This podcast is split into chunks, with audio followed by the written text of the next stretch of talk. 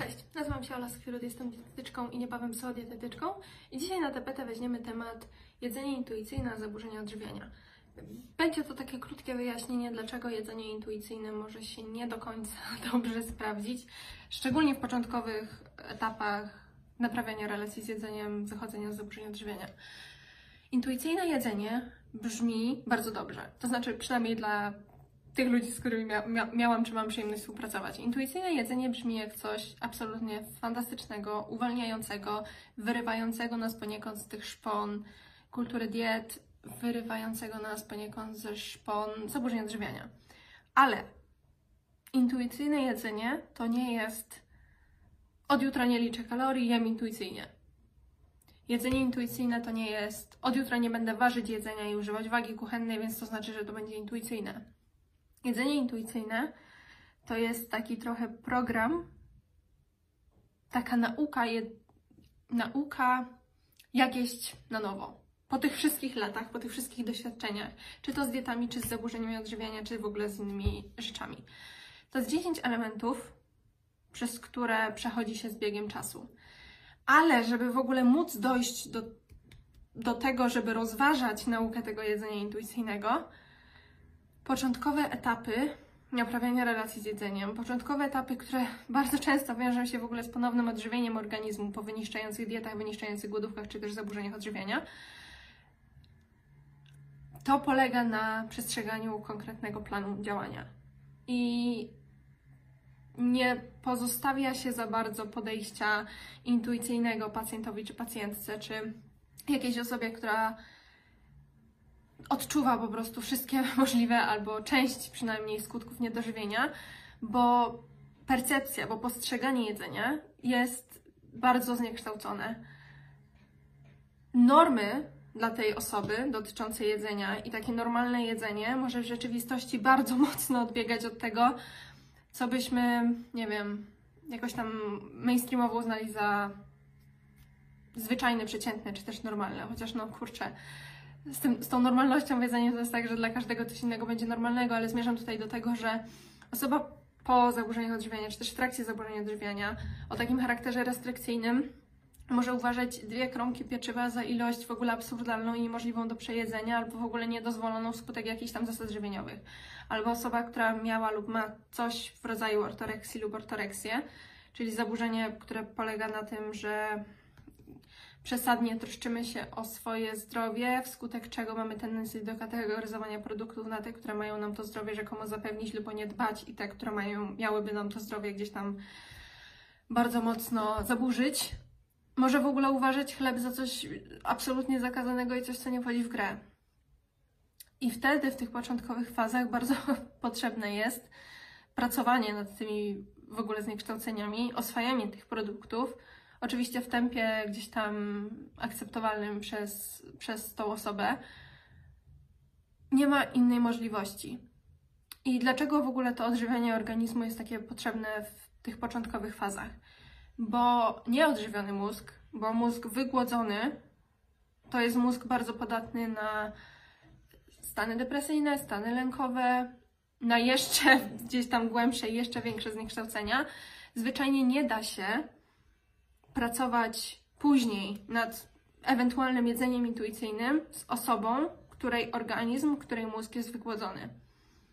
Więc założenie, że ja teraz z powiedzmy jedzenia 600, 1000, 1400 czy coś tam, nagle z dnia na dzień, czy jakiejkolwiek innej liczby kalorii, bo tutaj jakby nie ma zasady, po prostu z takiego bardzo restrykcyjnego stylu jedzenia, bardzo kategoryzującego,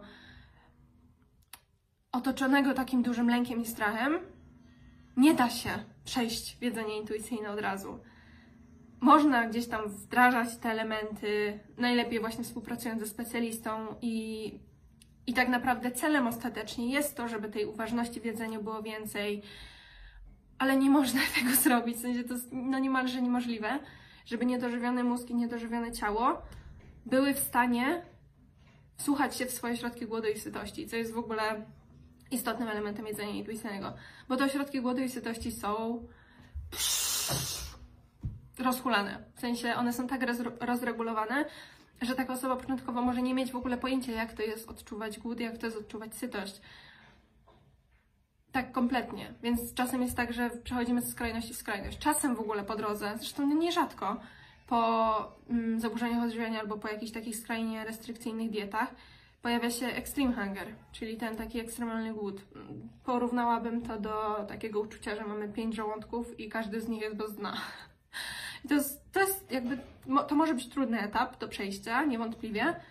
No nie ma opcji, żeby zmierzyć się z extreme hunger jakby jedząc intuicyjnie w takim sensie, że szanujemy swoją sytość, bo jej nie ma, że szanujemy swój głód, jakby on jest cały czas, więc wiecie, jest po prostu pewien taki o, etap mm, wychodzenia z zaburzenia odżywiania lub taki etap naprawienia relacji z jedzeniem, w którym my dobrze by było, żebyśmy podążali za jakimś planem, najlepiej ustalonym właśnie ze specjalistą odżywienia, który się specjalizuje w zaburzeniach odżywiania i tego typu tematach, żeby móc te ośrodki głodu i sytości doprowadzić w miarę chociażby do ładu i składu, żeby móc ten nasz mózg troszkę odżywić, żeby on nie widział też tak dużego zagrożenia w dalszym gdzieś tam mm, rozszerzaniu jadłospisu, czy dalszym modyfikowaniu go, czy w ogóle rozmowie na temat tego, jak to ciało może się zmieniać, że się będzie zmieniać. Niedożywiony mózg z, z taką powiedzmy tendencją czy podatnością na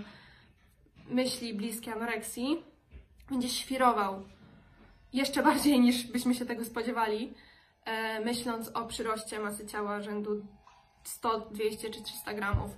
Odżywiony mózg podejdzie już do tego troszkę spokojniej. Dlatego jakby konkluzja jest taka, że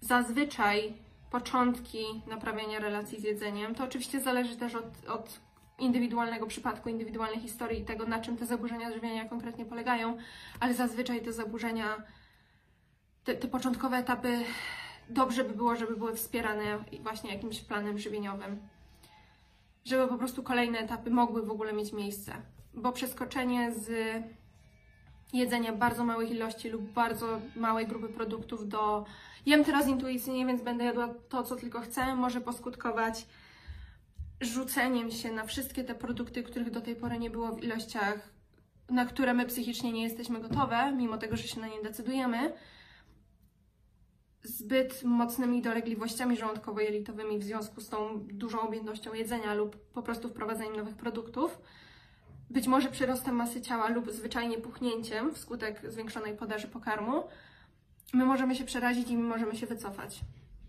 I z tego cudownego i ambitnego planu, że u, wychodzimy z zaburzeń odżywiania, zaczynamy jeść intuicyjnie i rzucamy się na jedzenie, bo tak to jest niestety często rozumiane, możemy wrócić do punktu zero albo się jeszcze nawet cofnąć, przestraszone tym, co się wydarzyło.